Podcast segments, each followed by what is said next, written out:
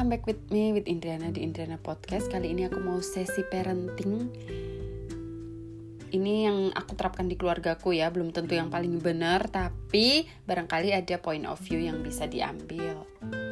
Jadi ada yang tertanam di benakku dan pikiranku waktu itu insight dari komisarisku tentang dalam kehidupan ini gitu, dalam seluruh aspek kehidupan ini yang paling penting itu pertama menentukan tujuannya. Ketika kita udah tahu tujuan kita apa, kita akan melakukan hal-hal untuk mencapai tujuan itu gitu. Kita akan mengusahakan untuk sampai pada tujuan itu gitu. Bisa dianalogikan dengan kita menentukan tujuan untuk liburan. Oh, tujuan liburanku nih ke Bali. Berarti aku harus beli tiketnya pesawat tujuan ke Bali, booking hotelnya yang ke Bali, cari lokasi wisatanya, searchingnya ya di Bali gitu. Nggak mungkin kita searching yang di Lombok gitu kan. Bahkan kita pasti akan arrange budget untuk budget di Bali gitu, bukan budget di Jogja gitu kan hal yang sama gitu kita lakukan dalam kehidupan kita sehari-hari dengan kita tahu tujuannya ya kita jadi tahu langkah kita tuh untuk mencapai tujuan itu apa aja gitu. Dalam parenting ini aku mau share tentang tujuan kita dalam membimbing dan mengarahkan anak agar mencapai tujuan tertentu di masa depan gitu. Bukan terus kita menentukan anak kita mau jadi saintis mau jadi dokter dan segala macam. Itu sih jalan kehidupannya dia sendiri ya. Dia akan menentukan sendiri gitu loh dia mau jadi apa gitu. Tapi kewajiban kita sebagai orang tua adalah membimbing dan mengarahkan dia mencapai tujuan yang menurut kita itu baik untuk masa depannya kalau aku menurutku baik untuk masa depannya adalah satu dia harus menjadi anak yang berdaya untuk dirinya sendiri. Yang kedua dia harus punya empati dan simpati terhadap lingkungannya. Udah, kalau aku sih tujuannya cuma itu aja.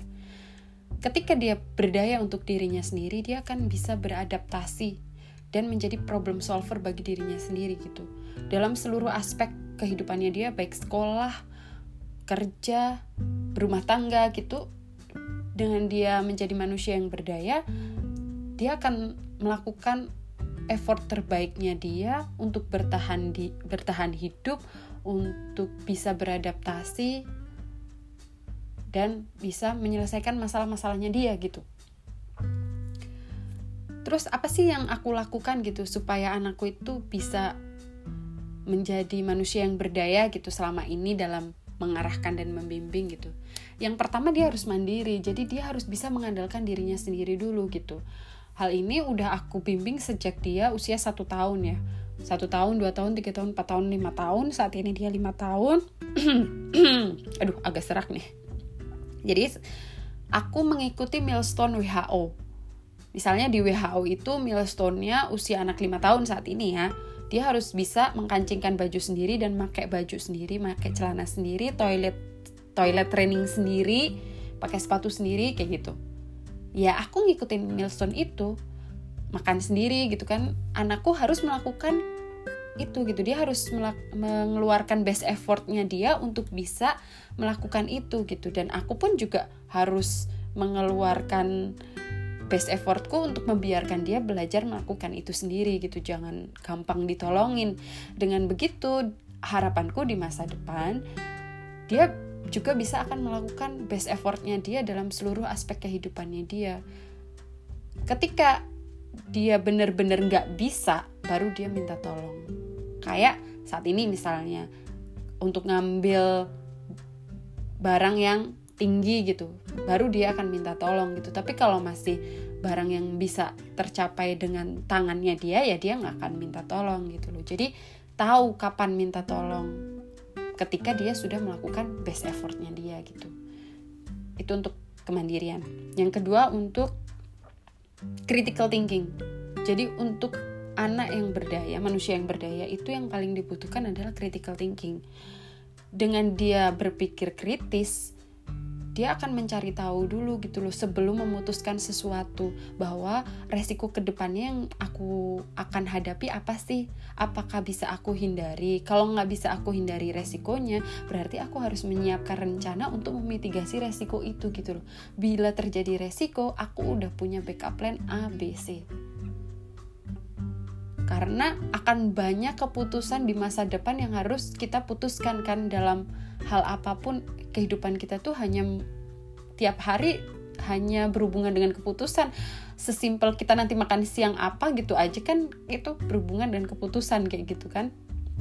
Jadi yang kita latih adalah critical thinking supaya dia bisa menganalisa dulu masalah untuk menentukan keputusannya dia gitu dan menentukan sekaligus mitigasi resikonya ketika dia menghadapi resiko gitu. Apa yang aku lakukan untuk melatih critical thinking gitu? Yang pertama, aku menjadikan dia sebagai partner diskusi. Jadi dia dengan aku itu bukan seperti ibu dan anak kecil ya yang anak kecil nggak tahu apa apa gitu. Tapi kami bertukar informasi. Dia punya informasi apa dia cerita ke aku gitu. Ya selalu aku tanggapin gitu sesuai dengan mah aku tadi uh, nonton Ganwu loh. Ganwu tuh kartun apa nak? Kartun Korea mah kayak gitu. Jadi saya selalu mengimbangi uh, informasi yang datang dari dia sehingga kami bisa mendiskusikan itu gitu kami juga memupuk curiosity-nya dia gitu, rasa keingintahuannya dia ketika dia bertanya, kami akan menjawab gitu. Pertanyaan terbarunya dia kemarin adalah, "Mak, kenapa astronot itu jalannya mantul-mantul kalau di bulan?"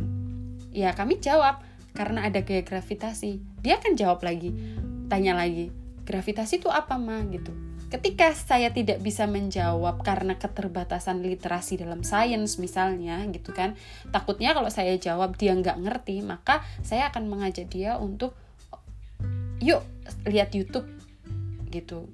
Biar bisa lebih jelas kayak gitu. Kita lihat YouTube bareng kayak gitu. Jadi saya tidak menghentikan pertanyaannya dia gitu. Saya tetap melatih dia untuk senang bertanya gitu ketika dia senang bertanya senang mencari tahu maka akan timbul juga critical thinking dari situ gitu. Ketika dia bertanya juga kadang saya balik nanya. Ketika saya tahu ah sebenarnya dia udah tahu jawabannya saya akan balik nanya menurut kamu gimana? Ketika jawabannya dia salah ya saya benerin. Tapi ketika jawabannya kurang benar ya aku benerin gitu kan. Yang mana sih yang bagian ini salah nak? Kayak gitu seperti itu yang kami lakukan di rumah. Dengan dia punya critical thinking dan punya kemandirian, intinya dia bisa bertahan hidup gitu. Untuk prestasi akademis yang sifatnya skor gitu, itu bagi kami nomor sekian lah gitu. Ketika dia bisa bertahan hidup, pasti prestasi akan mengikuti. Ketika menjadi prestasi, menurut kami itu bonus tapi ketika tidak menjadi prestasi, ya memang bukan hak kami untuk menuntut dia menjadi anak yang sempurna kayak gitu. Itu menurut kami. Yang kedua, tujuan kami adalah menjadikan anak kami menjadi anak yang punya empati dan simpati terhadap lingkungan gitu. Jadi orang baik lah ya kalau bahasa uh, simpelnya gitu memiliki empati dan simpati ini gak pernah kita arahkan sih. Maksudnya kamu harus gini kamu harus gitu. Paling yang dasar banget yang kita ajarkan maksudnya kita arahkan adalah bagaimana kapan dan bagaimana dia menyampaikan maaf tolong permisi terima kasih. Hal dasar itu aja yang kita ajarkan benar-benar. Maksudnya kamu harus gini kamu harus gitu gitu selebihnya mangkisi mangkidu menurut kami gitu loh itu pun menjadi kontrol kami dalam bersikap di depan dia gitu loh. Bagaimana cara kami memperlakukan tamu, bagaimana cara kami memperlakukan teman kami yang datang, bagaimana kami membantu orang lain yang perlu dibantu, bagaimana cara kami uh, menyapa tetangga misalnya kayak gitu. Dengan dia melihat kami, otomatis dia akan melihat bahwa oh habit yang benar dalam berkehidupan bersosialisasi itu seperti ini. Nggak perlu kita repot-repot ngajarin bahwa jadi anak tuh harus gini nak. Ya cukup itu mengkisi mengkidu itu prinsip kami. Dan kenapa kok aku memutuskan untuk sharing ini? Karena kemarin habis terima rapot gitu kan. Habis terima rapot anakku dari TKA ke TKB waktu naik ke waktu baca rapot itu yang aku lihat cuman ada tiga hal aja gitu. Dari sekian puluh lembar isi rapot ya tentang penil uh, penilaiannya dia tentang hafalan tentang membaca tentang hitung hitungan gitu segala macam lah di situ lengkap. Yang aku baca cuma tiga hal. Yang pertama rasa ingin tahunya dia gitu dan alhamdulillah di situ dia dapat poin paling tinggi gitu. Paling tinggi di dari ini ya maksudnya dari keseluruhan poin di rapotnya dia gitu. Dia ada ada satu sampai empat dia di poin empat rasa ingin tahunya itu aku udah bersyukur banget gitu. Yang kedua komentar dari gurunya bahwa dia itu menjadi anak yang selalu bersikap baik ke temennya mau membantu temennya gitu dan punya empati sama temennya gitu komentar gurunya di rapotnya itu dan di poin penilaian bahwa dia senang membantu itu pun dia dapat poin 4 itu aku juga bersyukur banget. Terus yang ketiga tuh ada komentar dari guru bahasa Inggrisnya dia bahwa dia selalu melakukan best effortnya dia dalam mengerjakan tugas gitu. Itu tiga hal itu yang benar-benar bikin aku merasa oke okay, alhamdulillah aku nih udah on track gitu loh menuju ke tujuanku.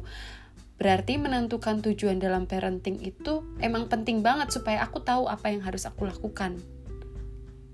Nah dengan lihat rapot ini aku jadi bisa evaluasi gitu loh bahwa oh berarti aku udah on track. Aku harus mengembangkan memelihara apa yang udah aku lakukan kayak gitu ya tetap sih yang penilaian yang lain yang misalnya uh, ada yang nilainya bagus atau nilai standar atau mungkin ada yang nilai kurang tetap aku lihat. Maksudnya nggak terus aku abaikan kayak gitu. Tapi tidak menjadi uh, patokan banget bahwa aku harus memaksakan ini jadi sempurna kayak gitu. Enggak tapi ada tiga hal tadi yang aku sebutkan yang menjadi sangat penting buat aku untuk mengevaluasi diriku sendiri apakah aku udah menuju ke tujuanku atau belum gitu.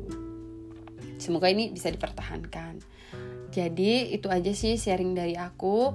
Semoga uh, orang tua yang lain juga sudah bisa menentukan tujuannya apa. Setiap keluarga pasti punya tujuan yang berbeda-beda ya untuk uh, mengarahkan dan membimbing anaknya gitu. Mungkin ada yang memang uh, goalnya adalah mencetak ahli waris untuk usahanya kayak gitu. Untuk meneruskan usahanya orang tua kayak gitu. Kan pasti punya KPI sendiri kan punya punya rencana untuk menuju ke tujuan itu sendiri gitu. Kalau aku kan ya simpel aja karena ya memang gak punya usaha sih ya. Pokoknya setiap kondisi keluarga itu punya kondisinya masing-masing dan kita harus bisa menghargai satu sama lain. Jadi memang sebenarnya nggak perlu sih membandingkan anak satu ke, sama anak yang lainnya karena kondisi keluarganya pasti berbeda. Itu aja sih cukup untuk sharingku kali ini. And see you on my next podcast